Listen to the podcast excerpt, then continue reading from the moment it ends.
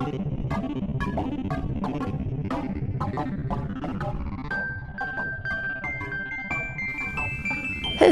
och välkommen till Akademipodden.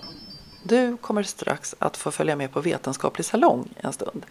Och I salongsformatet så träffas vi i ett mindre sällskap över en bit mat och några inbjudna talare inleder.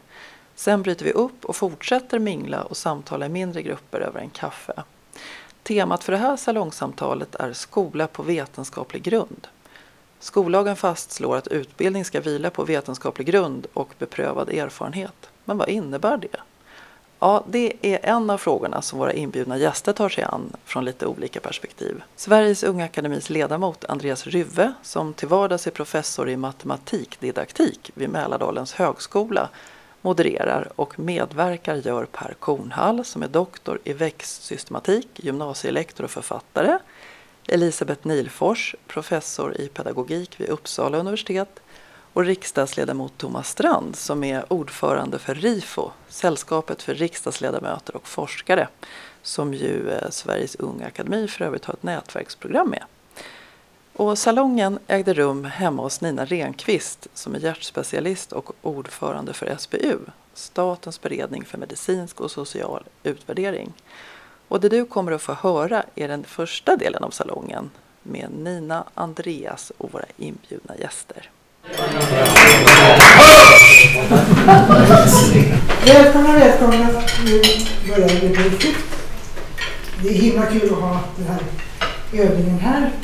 Eh, vetenskaplig salong, det var någon som undrade hur det, hur det började. Det var nämligen så att jag satt bredvid Björn Nylander på när Diatlonfonden hade sitt huvudmannamöte. Jag är huvudman vad det betyder. Då kom vi diskutera att i dagens läge så har man inte samma tradition att liksom komma hem till folk eller att man sitter och pratar i otvungna lägen. Man tycker sig inte ha tid med det.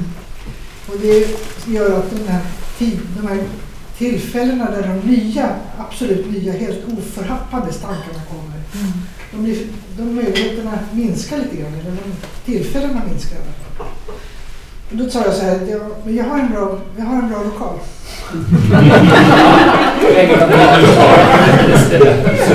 och så började vi kuckla lite och så det första hade vi, det handlade om musik och kreativitet.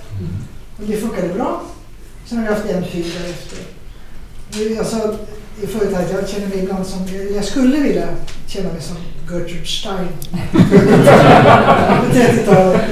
Folket kom och gick och det var salonger i, i varenda vecka egentligen. Men, men, men, men det är faktiskt inte de enda som är här på salongen utan det är andra som är här också. Så det är så. Vi känner oss ändå utvalda. Ja, det är himla trevligt. Det här huset är ju då när de frågar var jag bor, jag bor i Gamla stan. Jag har inte det mörkt, mörkt och tråkigt där? Nej, så jag. Lågt i tak? Nej, så jag. och så sagt, huset är från 1663. Och, eh, så jag bor i en 60-talskok. och vi flyttade hit för drygt fyra år sedan. Och eh, jag trivs jättebra här. Jag är tacksam för att ni kommer. Och det brukar bli bra. Och då lämnar jag ordet till dig så berättar hon upplägget. Vi kan väl få skåla med Nina? Ja. Tack. Tack. Tack. Skål.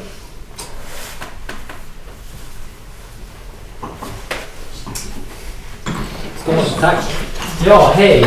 Jag heter Andreas Ryve. Jag är professor i matematikdidaktik eh, och fungerar som moderator för den här kvällen. Dessutom är jag ledamot i Sveriges Unga Akademi och det är Sveriges Unga Akademi som anordnar den här vetenskapliga salongen tillsammans med Nina. Vi är ett gäng ledamöter, ungefär 40 forskare från olika discipliner och olika lärosäten som jobbar tillsammans med ett fantastiskt sekretariat och försöker eh, förbättra och skapa möjligheter för bra svensk forskning. Bland annat genom att ha en dialog med beslutsfattare, eh, föra ut forskning i samhället, driva tvärvetenskapliga projekt men också eh, för för ungas intresse för forskning och bli forskare. Till exempel nu i eh, sommar så är det, det är det fjärde gången av forskarskola där vi blir årskurs två elever i gymnasiet för att träffa riktiga forskare. De har sina förutfattade meningar att vi står där några rockar och grått hår och sånt Jag tänkte att man kan faktiskt eh, vara forskare och ha familj och sådana saker. Så det, det viktiga delar vi håller på med. Eh, och många olika arrangemang, till exempel det här. Eh, och i, ikväll eh, så är upplägget så här att vi äter här och jag har bjudit in, vi och jag har bjudit in några som är eh, talare, eller några som kommer med några inlägg. Det är Per Kornhall, forskare på Mölndals högskola, botanist, skoldebattör och så. Sen har vi Elisabeth Nilfors som har lång erfarenhet inom utbildningsväsendet på många olika sätt. Just nu är du dekan i Uppsala. Mm. Och sen är det Thomas Strand som sitter där, eh, som är, eh, jobbar i utbildningsutskottet bland annat och dessutom är ordförande i RIFO. Upplägget är så att de kommer med i inläggen medan vi äter här. Sen blir det en ganska kort diskussion här efteråt. Och sen är det meningen att vi tar med deras inlägg som eh, bränsle för intressanta diskussioner när vi minglar och pratar. Så att jag tror jag kommer ihåg allt. Och, där, och därmed vill jag inte lämna över ordet till Per ännu. För temat är i skola på vetenskaplig grund, eller spå. LSK. Det, är- det är begrepp som säkert har kommit och gått. Jag har inte varit med alla år när det har kommit och gått, men det är i alla fall inskrivet i skollagen nu. Utbildning ska vila på vetenskaplig grund och beprövad erfarenhet. Eh, och det finns mycket att fundera över kring vad, är, vad innebär det här? Vem, vem blir läraren? Vad, vilka discipliner ska vi bygga på? Vad, hur ska balansen vara mellan vetenskaplig grund och beprövad erfarenhet? Vad är det och hur ska vi implementera det eller etablera det och, och så vidare. Det finns många intressanta frågor kring det som, som många professioner funderar på. Jag jobbar själv också som vetenskaplig expert i Västerås stad, 20 procent och jobbar med skolchefer och, och verksamhetschefer och sådär och funderar över det. Så vi, vi tyckte att det var ett, eh, eh, framförallt ett intressant tema men också aktuellt tema. Eh, och vi är glada att ni är här och jag börjar med att lämna över ordet till Per Kornhamn ställa mig där. Du kan sitta. Nog bättre står. Ah. Når rösten lite längre, lite lättare. Ja, eh, första jättetack för inbjudan.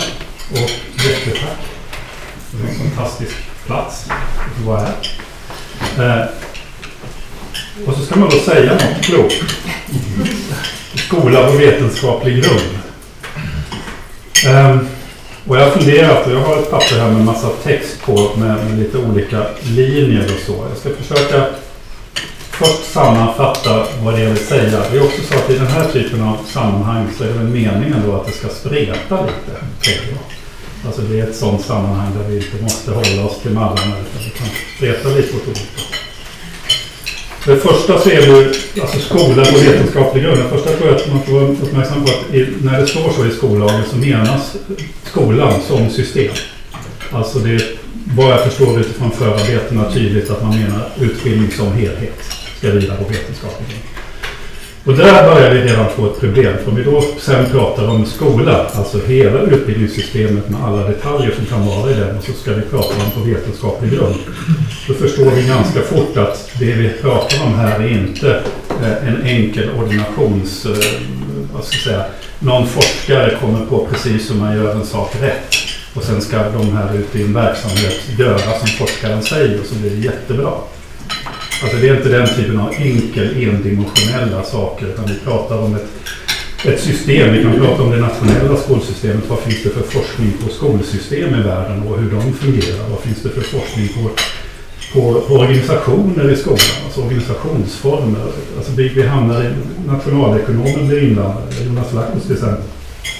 Vi, vi, ja, ni förstår vad jag menar. Det är organisations... Vi kan ha alltså ledarskapsforskare inblandade. Och sen ramlar vi ner någonstans närmare skolan och skolledare, forskning på skolledare, och fungerar skolledare och bra skolledare och sen undervisning. Och så har vi generella undervisningsförmågor och kunskaper som lärare kan ha. Sen har vi väldigt specifika i varje ämne. Det är väldigt skillnad på att undervisa i, i, i say, multiplikationstabellen eller i franska revolutionen för att använda de som liksom klassiska exemplen. Men det är väldigt olika jobb man gör och beroende också på vilka barn och ungdomar man har framför sig. Och så vidare.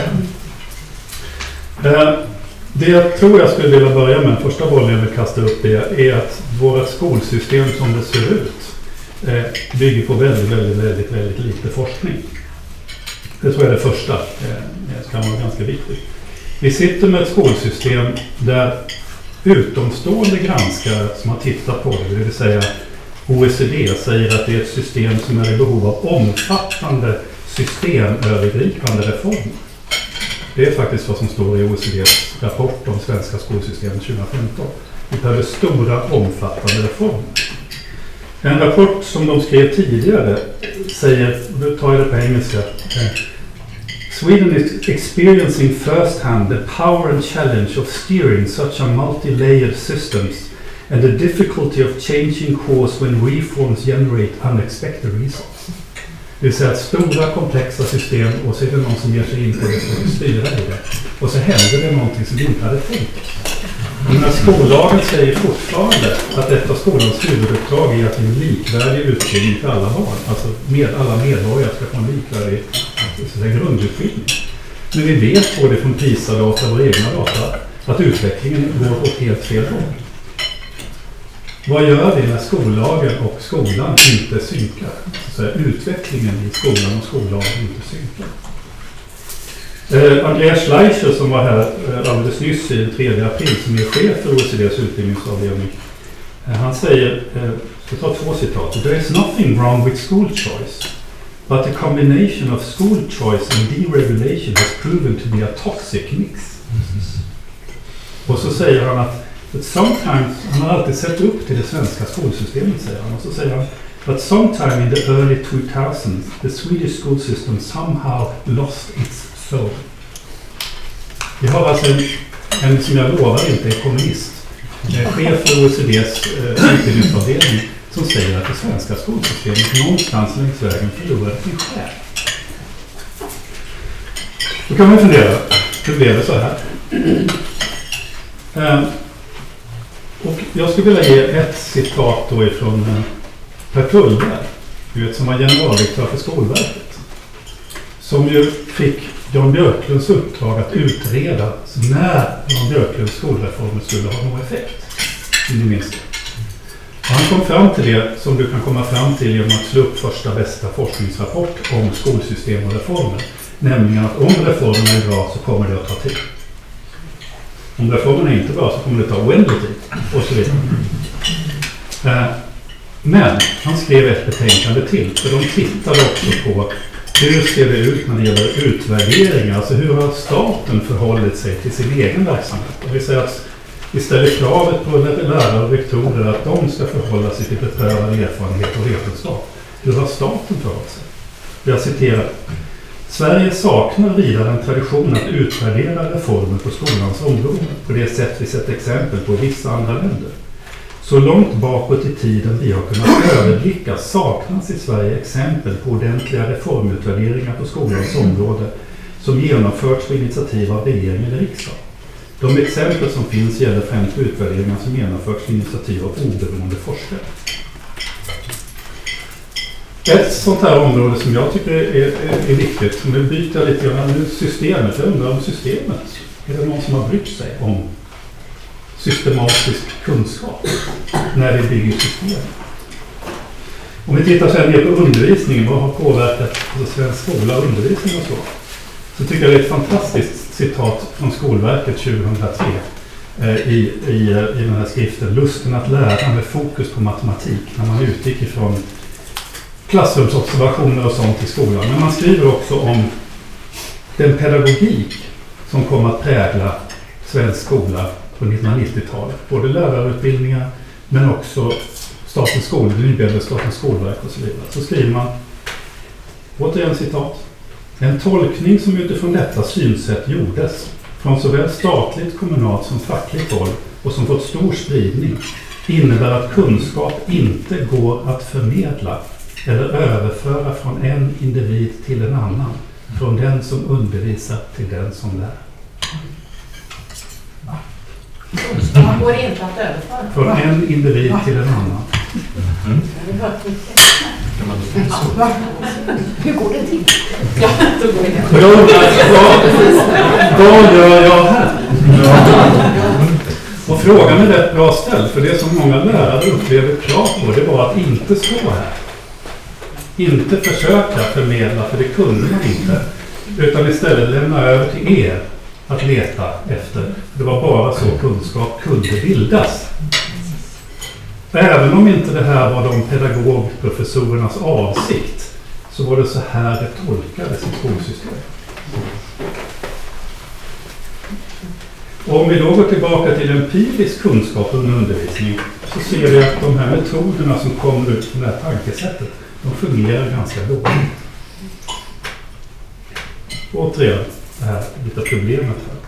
Det, det största problemet med det här tycker jag, och det är något som kommer nu i en debatt, både, dels finns exempel från Sverige men inte minst bland franska pedagoger, där man inser att om skolan slutar att undervisa så fungerar den inte som en frigörelseplats för unga människor.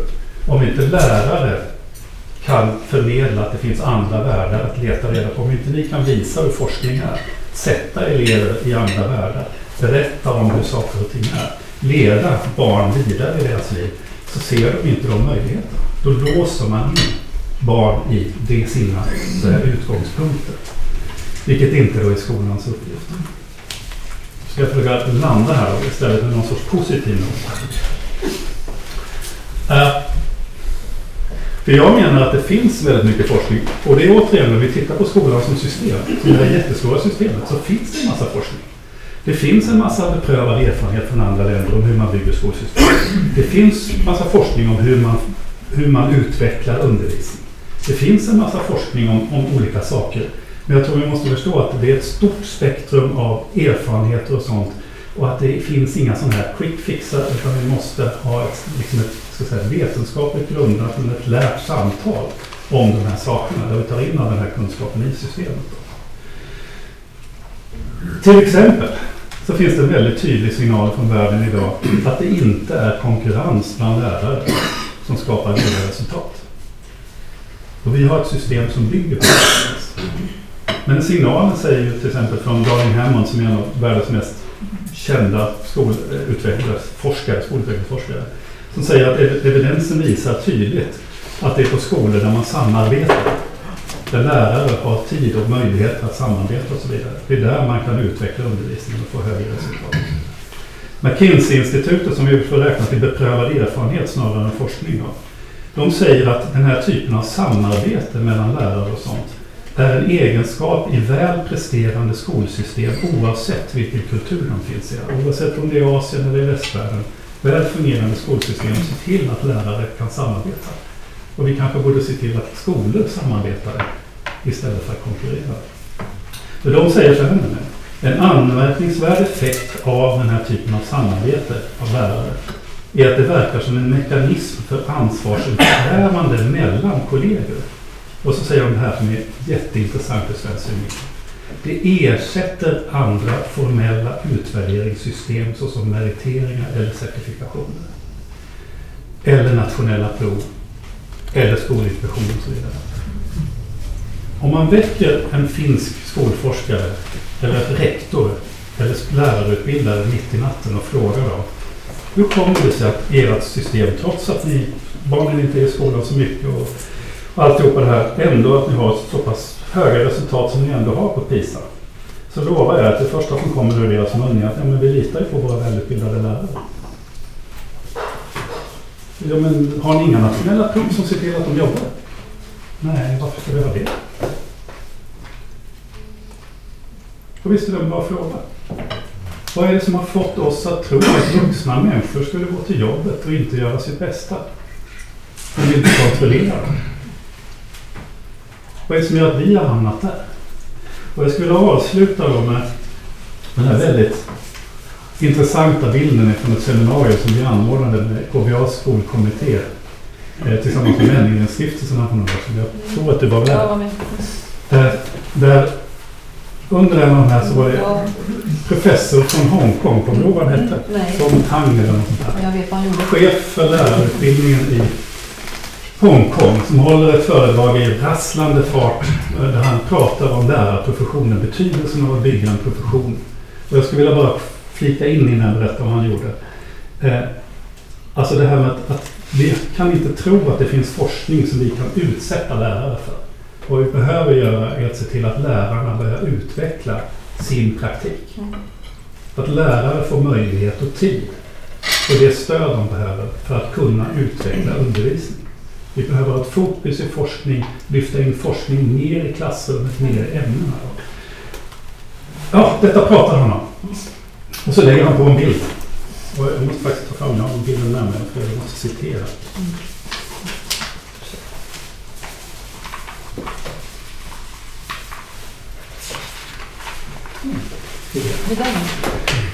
Då, då lägger han alltså på en text. Och det är Abbas I have a dream och så börjar han sjunga. Ska du I have a dream, a song to sing. Det kan jag inte. Jag kan ju inte sjunga. To help us cope with anything, if you see the wonder of a teacher's role, you can take the future, whatever the learning curve. We believe in teachers, something good in everything we see. We believe in teachers and we'll bring humanity with us. We'll cross the stream, we have a dream. Vi sjöng allihop. Vi sjöng allihopa. Professor över generaldirektör och allt annat som fanns i den lokalen. Eh, lite grann tror jag att det här är en, en poäng i det här också.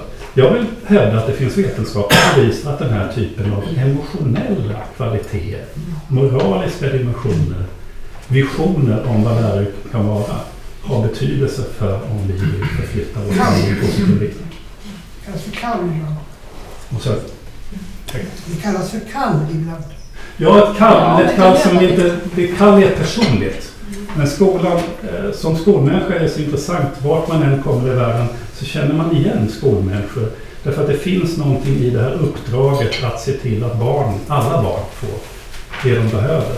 Som har en stark moralisk genklang. Alltså lärare undervisar inte bättre i matematik därför att vi betalar dem mer. Det är ingen som motiveras i klassrummet av pengar. Vi kan motivera unga människor att söka lärarjobbet på grund av pengar. Men det är inte pengar som motiverar människor i klassrummet. Eller väldigt få lärare motiveras av det. Det är någonting annat. Den drivkraften kan vi använda. Och det är lite grann det som han för. Det var vad jag ville säga. Ja, tack.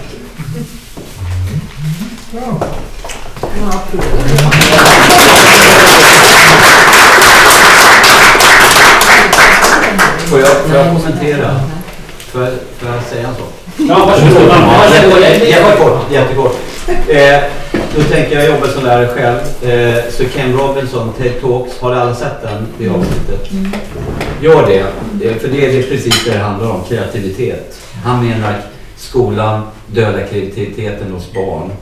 Och, eh, och väcker man kreativiteten då kan man prata om, som vi har gjort med mina kollegor här, det här med, om vi ska prata eh, ja, hard facts då, citizen science. Det är någonting som också kommer starkt men som är väldigt litet, li- liten utsträckning. Naturhistoriska museet och SLU bedriver några små projekt men där kan man göra jättemycket. Så, så, så Ken Robinson, TED Talk, se det om ni inte har gjort det. Det anser jag är obligatoriskt faktiskt. Eh, det var bara det jag tänkte Ja, säga. tack. Varsågod Elisabeth. Det finns mycket att prata om nu. Ja. Jag hade en önskan om att, eh, att Per skulle börja därför att jag, jag hoppas att du skulle säga vad du sa. för att jag håller med dig. Eh, först tack igen Nina för att det här är ju underbart att få vara här. Och jag skulle också lägga då alltså, rummets betydelse för eh, tankens och det är inte dumt att det är högt i tak. Eh, så. Eh, och sen är det ju fantastiskt att det ligger dagen innan klockan 11 imorgon. Ja. Så en del av oss kommer att läsa Skolkommissionens eh, slutbetänkande och se vad nu OECDs effekter gjorde för, och som ni sen ska ta över som är politiker här i rummet. Och så. Eh, men sen också, eh, som du sa då, så är jag ju dekan idag i Uppsala sedan ett antal år. Eh, och det som jag fick möjlighet tack vare Lars att göra en del av på VR fortsatte jag med på, i Uppsala, det vill säga samarbete också i forskningen. Oavsett, ni, ni är ju flera här som är i olika discipliner, alltså den här integrerade, eller vad ni nu vill kalla det, forskningen. Som, eh, I det där mellanrummet där jag tror att det finns något. Eh, Och att inte glömma bort, skulle jag då vända på det och säga, att också utbildningen som är så stor har ett intresse i detta. Att inte förpassa forskning som hör om utbildning och skola till något där. Utan att den utbildningsvetenskapliga forskningen är en del av hela forskningen. Och då är det, om det sen är science eller om det är den kreativa eller brain eller whatever. Alltså, men att få den integrerade forskningen också att få högre status i forskarvärlden. Min lilla kamp. eh, där uppe i Uppsala. Eh, eftersom pengarna går i stuprör fortfarande och vi tycker om hängrännor i Uppsala. Eh, så kan vi ta det i minnet vad det är för skillnad på det. Eh, jag kallade mitt, eh, vad skrev jag för rubrik? eh, mod att leda utbildning och så bad jag dig att du skulle spärra eller kurserera bildning. Så det är min eh, tanke ihop med er. Alltså, det är ingen föreläsning utan en tanke jag gör precis som Per sa. Jag försöker att bjuda er på tankar som är angelägna eh, i den värld som jag lever. kring vetenskaplig grund, kring vetenskapligt förhållningssätt, kring forskningsbaserat arbetssätt, vad ni nu vill använda. Och gärna också naturligtvis beprövad erfarenhet, men jag håller mig på den vetenskapliga sidan lite. Då. Och det här med att kritiskt granska och pröva och sätta liksom, eh, inte bara faktakunskaper utan också det sätt vi jobbar på hela tiden under grupp är väldigt arbetsamt. För nu är jag inte på systemnivå, för det fick Per vara, utan nere där i vardagen. Ehm, så det är krav vi ställer på om vi går ner i vardagen. Att, eh, är jag klar över vad jag gör och varför jag gör det och hur jag gör det? Om någon kommer och frågar varför jag gjorde just det här urvalet av stoff och vad jag gjorde det här sättet att arbeta på och så vidare. Jag har ett citat av eh, Peter Kemp som är, är filosof från Danmark som jag har använt i många år och jag känner det, men jag tycker det är så himla bra. Han säger i Världsmedborgaren, en bok, ungefär så här. Alltså skolans uppdrag är att eh, ge barn och elever sådana kunskaper att de klarar sig i världen. Samtidigt som de får sådana kunskaper så att världen klarar sig. Så stort är det uppdrag som vi sen kallar ämnen och områden och så. Eh, det är det som är, och då tycker jag det ligger så otroligt nära bildningen. Att lusten att hela tiden vilja gå vidare, lusten att lära något mer och fatta att ja, vi kan ge grunder överallt. Det gäller inklusive universitetet. Kan liksom inte, vi kan bara ge, vi kan ge det vi vet idag, men vi vet att det vet vi inte imorgon. Alltså att våga ompröva och det är inga alternativa fakta jag pratar om, jag pratar om forskningsbaserat. Men just det här att, att vad ska jag välja ut för kunskap? Eh, vi pratade om det så sent som igår på en masterutbildning, att tänka sig att de som går in i förskolan idag 2017, jag vet inte vad det är för årtal de möjligen når. Jag har liksom ingen aning om vad det är vi också utbildar för.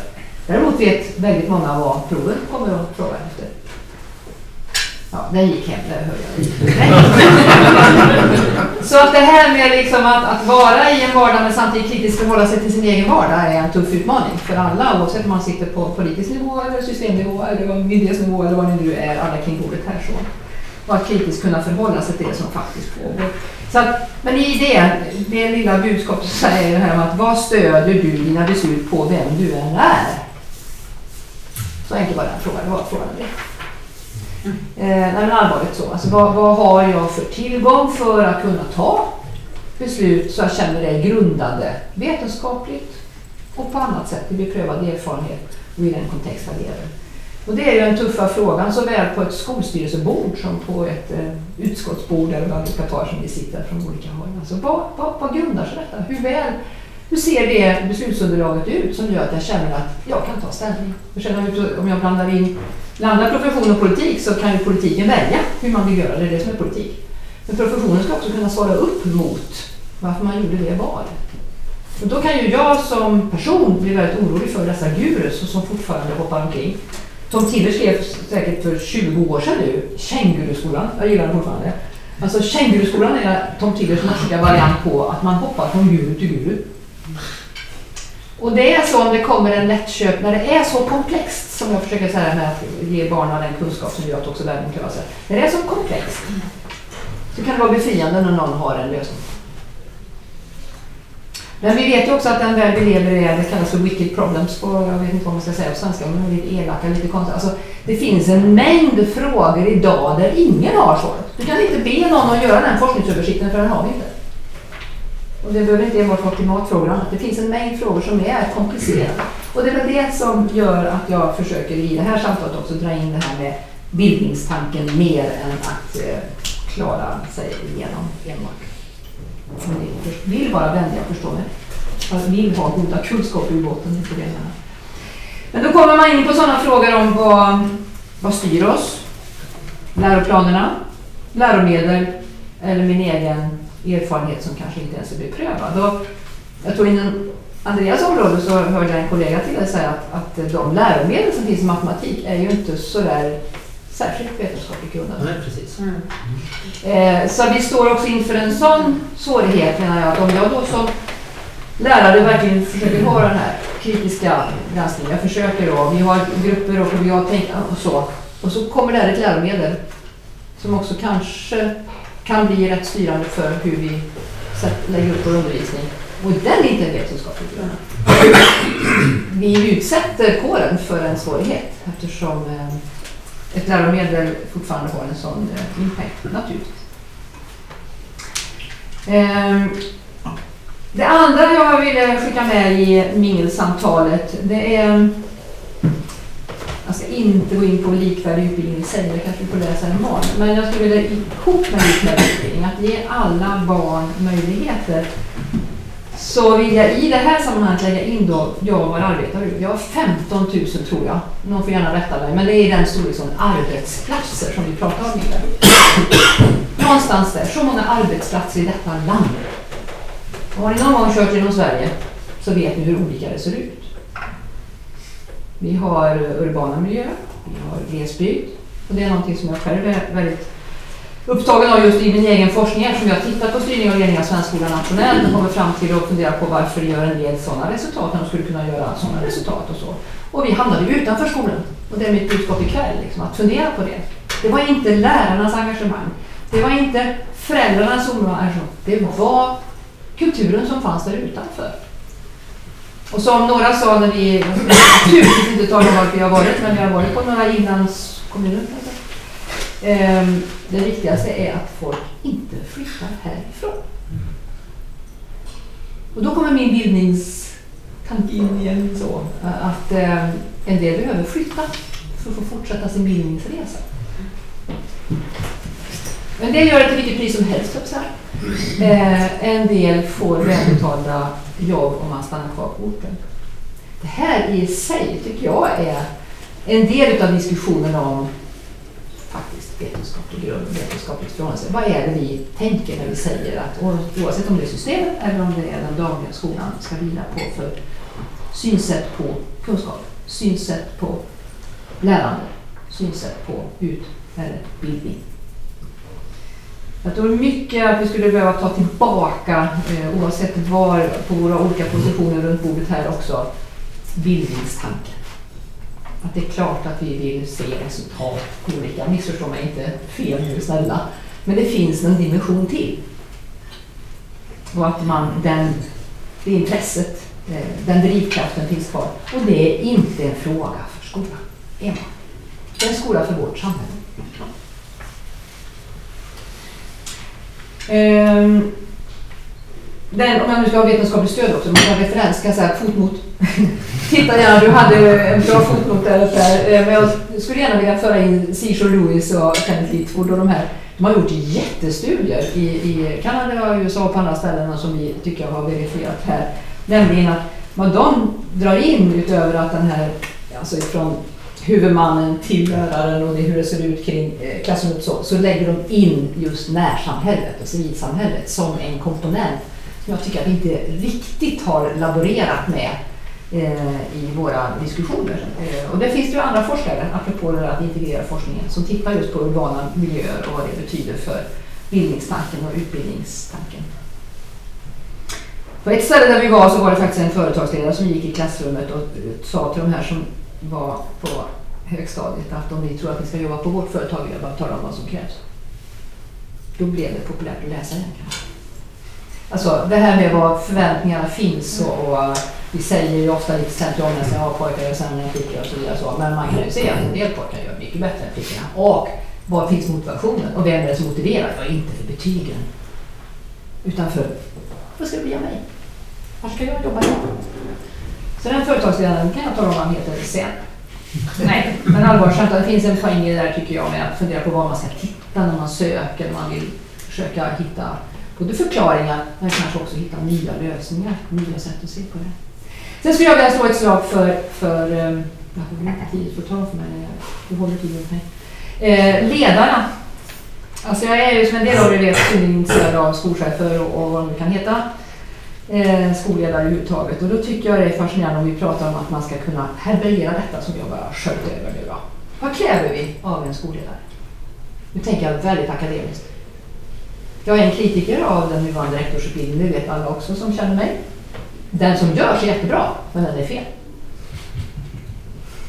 Man får retas lite också. Ja. Men det var så bra att min chef i Uppsala tycker som jag just nu, för han kom från Vancouver och upptäckte att där, där är det så att man har en mängd olika kurser och sju och en halv och allt hur man nu vill prata på det sättet som förbereder för innan man söker. Så det är rätt bra att ha en AC när man söker en rektor. Det vad jag vill åt är inte, eh, om jag raljerar lite för att ni ska vara vakna, eh, så är det lite av det här om vi pratar om en vetenskaplig bas och en vetenskapligt förhållningssätt. Och en kunskap att kunna organisera en verksamhet som bygger på detta kräver en del. Nu ska man gå en utbildning efter fyra år man har fått tjänsten. Och vad får man då? Ja, man får den statliga delen. Men man får inte all vår fantastiska forskning kring hur man lär vuxna. För det är ju det skolledare gör. De lär inte barn. De lär vuxna. Det är en vuxenarbetsplats. Det är vuxna kompetensutveckling vi pratar om, ni som sitter där som är lärare och skolledare också. Det finns organisationer man kan göra som mer eller mindre gynnar till exempel det här rummet. Det var därför jag sa det. Alltså har man rum som är både fysiska men också eh, tidsmässiga rum som möjliggör inte projekt med olika saker med kollegialt lärande eller vad det nu är vi, vi har olika metoder för. Utan som en del utav vardagen tillsammans med barn och elever. Tillsammans med kollegor. Det ingår i arbetet. Den ledaren behöver ha en del kunskap om detta innan man gör. Det handlar inte bara om styrning, enbart om styrning och ledning, det gör det också. Men det handlar om att leda en mängd professioner. Ta sköterskorna, ta hela hälsovården som har ett paradigm för vad som är vetenskaplig bas, lärare en annan, psykologer, så. Det är vad en skolledare gör till vardags. Hur har vi gett dem möjlighet att göra det? Det är inte dumt att man ska uppfinna hjulet varje gång, tycker jag. Det sista då, hinner jag det? Ja, nästan. Eh, är jag väldigt eh, just nu upptagen av att eh, de sista åren jag har kvar i det här yrkeslivet att tänk om vi kunde göra en revolution väldigt stillsamt och trevligt och gemytligt med fullt förtroende och tillit. Nämligen skapa en organisation i skolans värld som möjliggör detta vi pratar om. Alltså barns schema är en sak. Och jag säger det här i en tid med 60 000 lärare som brister. Det är precis nu man ska göra det, nu man ska satsa och säga att den här skolan kommer att bygga, bygga på vetenskaplig grund. Den kommer att ge utrymme för forskning i tjänsten. Den kommer att ut, ge utrymme för en mängd forskningscirklar som liksom pågår, som avlöser varann. För människor som är på spaning och kan liksom fundera på och observera vad det är som händer. Så att vi har kollegor, och alla är inte på samma skola. Nu pratar jag liksom om huvudmannens revir om man säger så. Eh, så att man kan på olika sätt vara med och systematiskt samla material, reflektera över det Eh, och få ha forskning och utveckling i sin verksamhet. Och den organisationsförändringen kräver fler personer, olika professioner. Ehm, det kräver alltså en möjlighet för forskare, om vi ska hålla oss på den delen ikväll så, som har möjlighet att till och från vara inne i utbildning, skolans verksamhet och jobba med olika projekt. I Uppsala där jag befinner mig nu, jag, säga jag tror att ABB har 80 forskare i Uppsala. De är jag ute efter kan jag säga. Nu jobbar jag inte i kommunen så jag försöker få dem att bli intresserade av de 80. Men alltså det finns ju människor som har olika kunskaper, för skolan har en disciplinmängd som är jättestor. Eh, som vi på olika sätt behöver få glädje av. Eh, så för att komma ner till det lilla kan jag säga, vi gör någonting som heter lärarpar, bara som ett exempel på hur enkelt det kan vara. Att digital kompetens är någonting som alla arbetar med idag. Det är svårt. Vi kan inte... Alltså, det skulle kunna handla om konst eller musik eller någonting annat och så, men nu tog jag digital kompetens. Vi går i lärarpar, studenter. Vi har 46 000 studenter på Uppsala universitet. går i par med lärare ute i verksamheten. De här studenterna ska inte bli lärare. De jobbar med digital kompetens och olika tekniker inom det digitala. De går i par. Så att menar, det finns en möjlighet, även om det är en brist på de legitimerade lärare, att fundera på vad är det för kombinationer vi ser så att vi får in den vetenskapliga grunden, att vi får in olika experter på olika sätt och ger våra barn och ungdomar det bästa de kan få. Tack.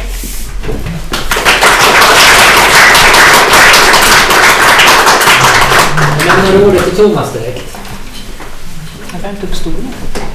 Jag tror jag sätter mig nu också och försöker prata högt så ni hör mig alla. Och du Andreas, håller tiden? Eh, Ja. När det har gått tio minuter får du hosta. eller? Ja, ja. Tack för att jag fick komma hit. Och tack Jesper det här vackra hemmet. Eh, Thomas Strand heter jag. Bor i Vaggeryd. Vet alla var det ligger, hoppas jag. Absolut. Man åker till Jönköping och så åker man ytterligare tre mil söderut ut med E4 så kommer man till Vaggeryd. Eh, jag har suttit i riksdagen sedan 2006 hela tiden i utbildningsutskottet tillsammans med Betty Malmberg. Så vi tillhör med det här. Eh, Men jag är då främst här därför att jag är ordförande i RIFO. Och RIFO är en av riksdagens största föreningar och äldsta också. Vi har, vi har 550 medlemmar. Det är riksdagsledamöter eller forskare. Eller och och forskare. Eh, och det är en viktig mötesplats för att just skapa, skapa det samtalet mellan beslutsfattare och forskare. Eh, så ni som är forskare och inte medlemmar som är varmt välkomna till RIFO.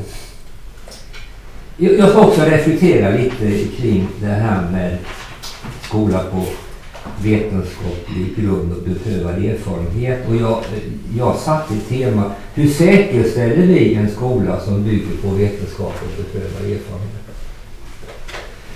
Och det jag ska säga är nog detta, tror jag. Att eh, vi behöver utveckla ett gemensamt professionsspråk. Genom att stärka den utbildningsvetenskapliga forskningen, genom att stärka det kollegiala lärandet och genom att öka och stärka samverkan mellan lärosäte och skolor. Eller lärosäten och skolor. Jag ska ta er med tillbaka 20 år i tiden. 1997. Då hade jag förmånen att som ung politiker hamna i LUK 97. Vet ni vad det var? Lärarutbildningskommittén 97. Det var på den tiden vi hade parlamentariska utredningar. Och vi jobbade i två år. Och la förslag på den lärarutbildning som började 2001.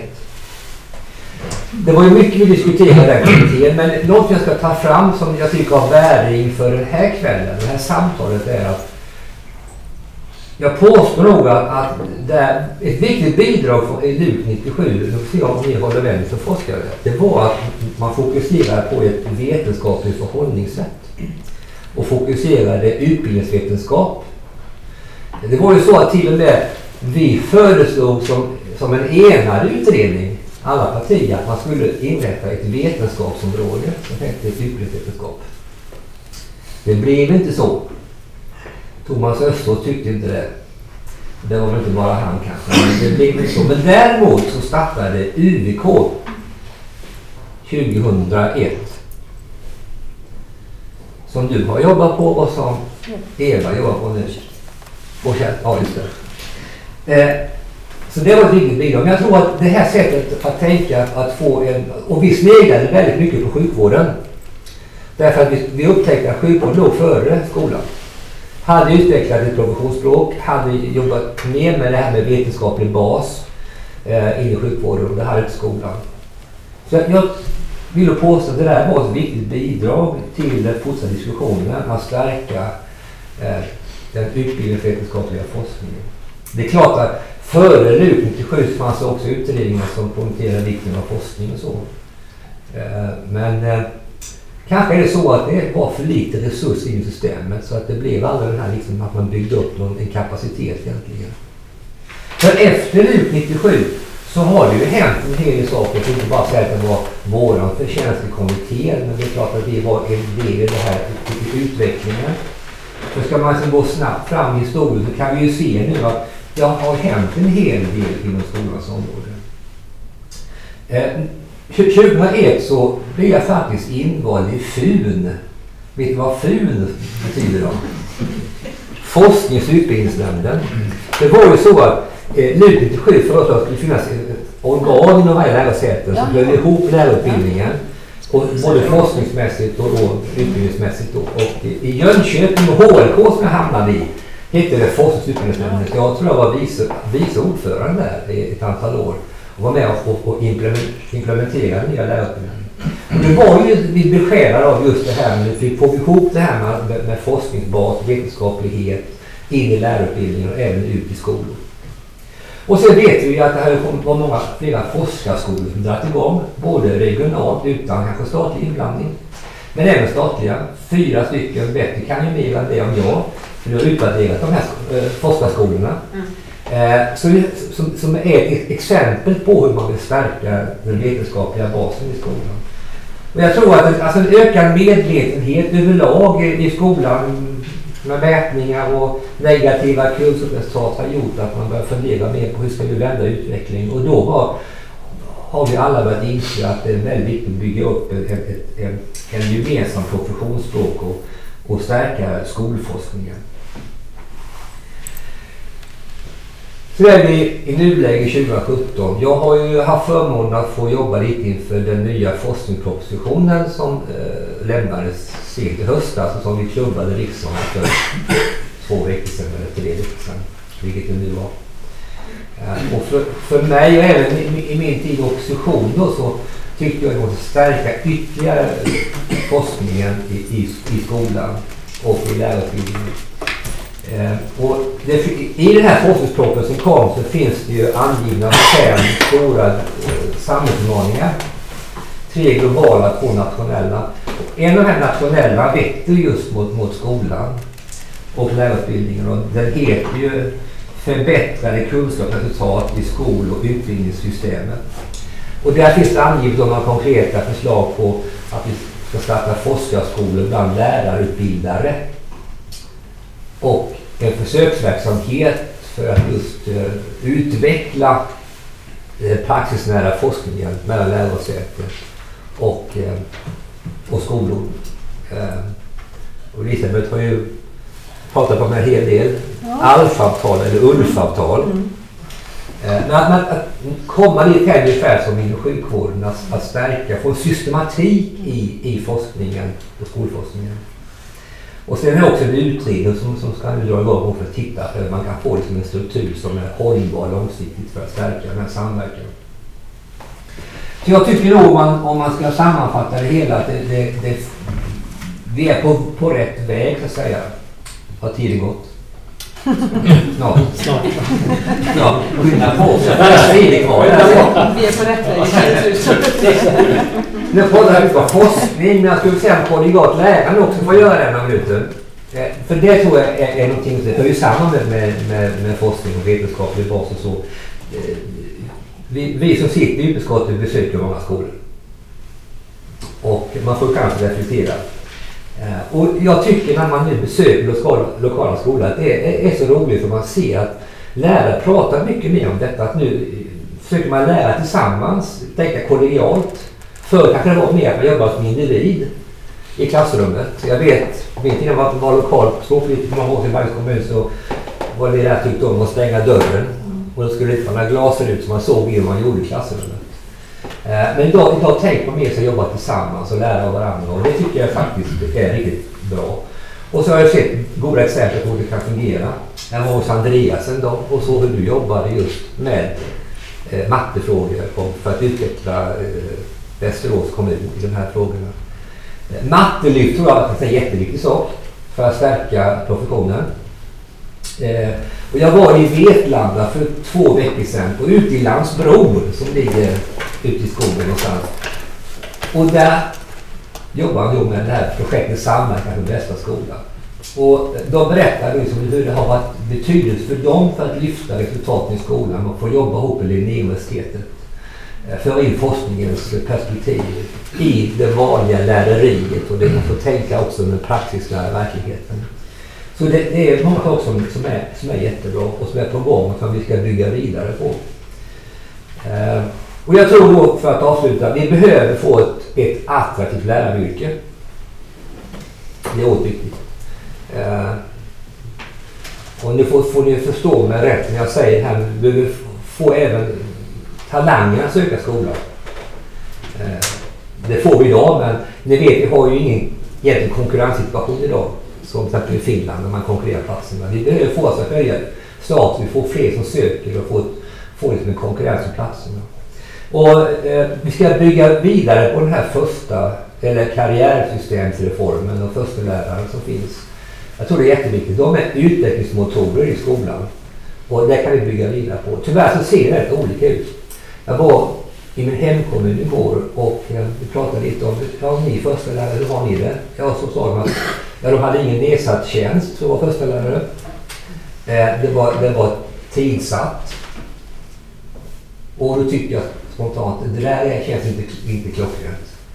Eh, ni borde ha lite nedsatt tid för att jobba med utvecklingsfrågor i skolan. Ni, ni borde ha permanenta tjänster också tyckte jag. Och det är min hållning. Alltså, det, och det ser olika ut, men i många skolor så har man ju tänkt mer tycker jag än man har gjort med hemkommun med förstelärare. Hur man kan jobba som utvecklingsmotorer eller förändringsagenter i skolan. Och så behöver vi utveckla då systematiken, strukturen mellan akademin och lokala skolor. Den här praxisnära forskningen. Jag tror den här försöksverksamheten drar igång nu med fyra universitet är jättebra. Och den utredningen. Eh, jag slutar med en bild från Ontario i Kanada. Som eh, vi har varit i två gånger Betty. Och, och besökt där. Och eh, Kanada lyckas ju väldigt bra, det vet vi i mätningen. Man funderar på vad gör de som är så det finns mycket man kan säga om det. Men det, det är två saker jag tänker på efter mitt senaste besök. Och det ena är att man har alltså i Ontario satt ungefär fyra, fem målsättningar. De kan alla. Frågar du den upp på nationell nivå så kan de det. Frågar på den lokala nivå kan de det. Och man talar samma språk. Man har utvecklat ett professionsspråk. Riktigt dit har vi inte kommit i Sverige än tycker jag. Men dit ska vi. Och det är min vision. Tack. Tack.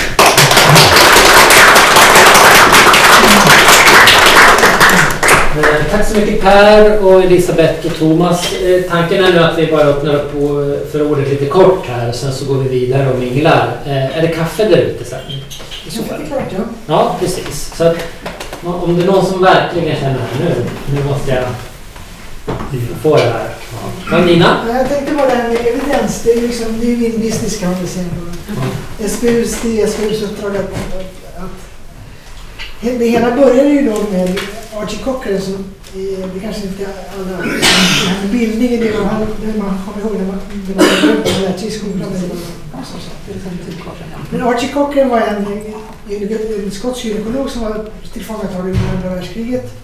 I fångenskapen så upptäckte han, eller förstod, började han fundera över hur kan, hur, hur kan det komma sig att vi ändå kan klara så pass många i de här urusla förhållandena utan att ha tillgång till någonting av det som vi brukar ha på kliniken. Och när han kom hem tillbaka till kliniken i Skottland så började han ta reda på hur mycket evidens fanns det för de här åtgärderna man gjorde på gynekologkliniken. 5 procent av åtgärderna fanns det vetenskapligt underlag. I dagens läge är det bästa, det är de bästa disciplinerna, de bästa områdena så är det 50 procent. Resten är magkänsla, man tror, ibland beprövad erfarenhet. Så man ska, det här med evidens är ett otroligt... eh, Det, det, det, det, det kräver mycket för att ta- ta reda på vad som... Om, om man gör mycket utan att... Det kan vara rätt ändå. Utan att det finns evidens, men man, man, man ska ha den ödmjukheten. Och sen måste man alltid sätta in evidensen i sitt sammanhang. Ibland när vi får kritik på SBU för att eh, vi är fundamentalister och att vi är liksom någon sorts kokboksmedicin. Så, så, har- säger, då har man glömt att evidensen ska sättas in i kontexten utav vilket, vilket sammanhang är det och vilka personer är det som är involverade. Kan vederbörande ha den kompetensen att göra det här och ha den här patienten som det ofta är frågan om, vill den vara med på det här överhuvudtaget? Och det måste man liksom så det, det är tre linjer som, som ska sitta, sitta ihop och det gör de inte, det gör de inte alltid. Och evidensen ändrar sig, det som man tror är evidens idag, eller har en hög sannolikhet, man anger att det är hög sannolikhet för att det är sant. Det är ganska hög sannolikhet för att det inte är sant om 20 år. Så det ska man också ha, ha klart för sig. Men det är väl himla bra det att man har någon sorts avsikt med skolan. Och, eh, och det, var väl, det var min erfarenhet när jag kom till Skolinspektionen. Så jag sitter i Skolinspektionens insynsråd sedan ungefär kanske 8-10 år. Åtta år. Och då, alltså när man då tog upp det att, att skolans syfte var just det här med att man kanske skulle få elever som ska klara sig själva men också som gör ett samhälls... Det var en jättebra formulering. Så var det en del som inte liksom tyckte, tyckte vadå? Så det, det, det behövs otroligt mycket att göra med så att säga, på, på den så att säga, insiktsformen. Det var det jag kom in på det här med kall. Kall på, folk, när man pratar om kall på svenska så har det någon sorts dålig klang. Och det behöver inte ha det egentligen. Utan kall är ju egentligen att göra någonting bara för att man ska göra det bra. Utan, utan, en- utan att se tillbaka på att man får, får någonting för det själv. Utan man gör det bra bara för sakens egen skull. Så lite kall skadar inte brukar jag säga.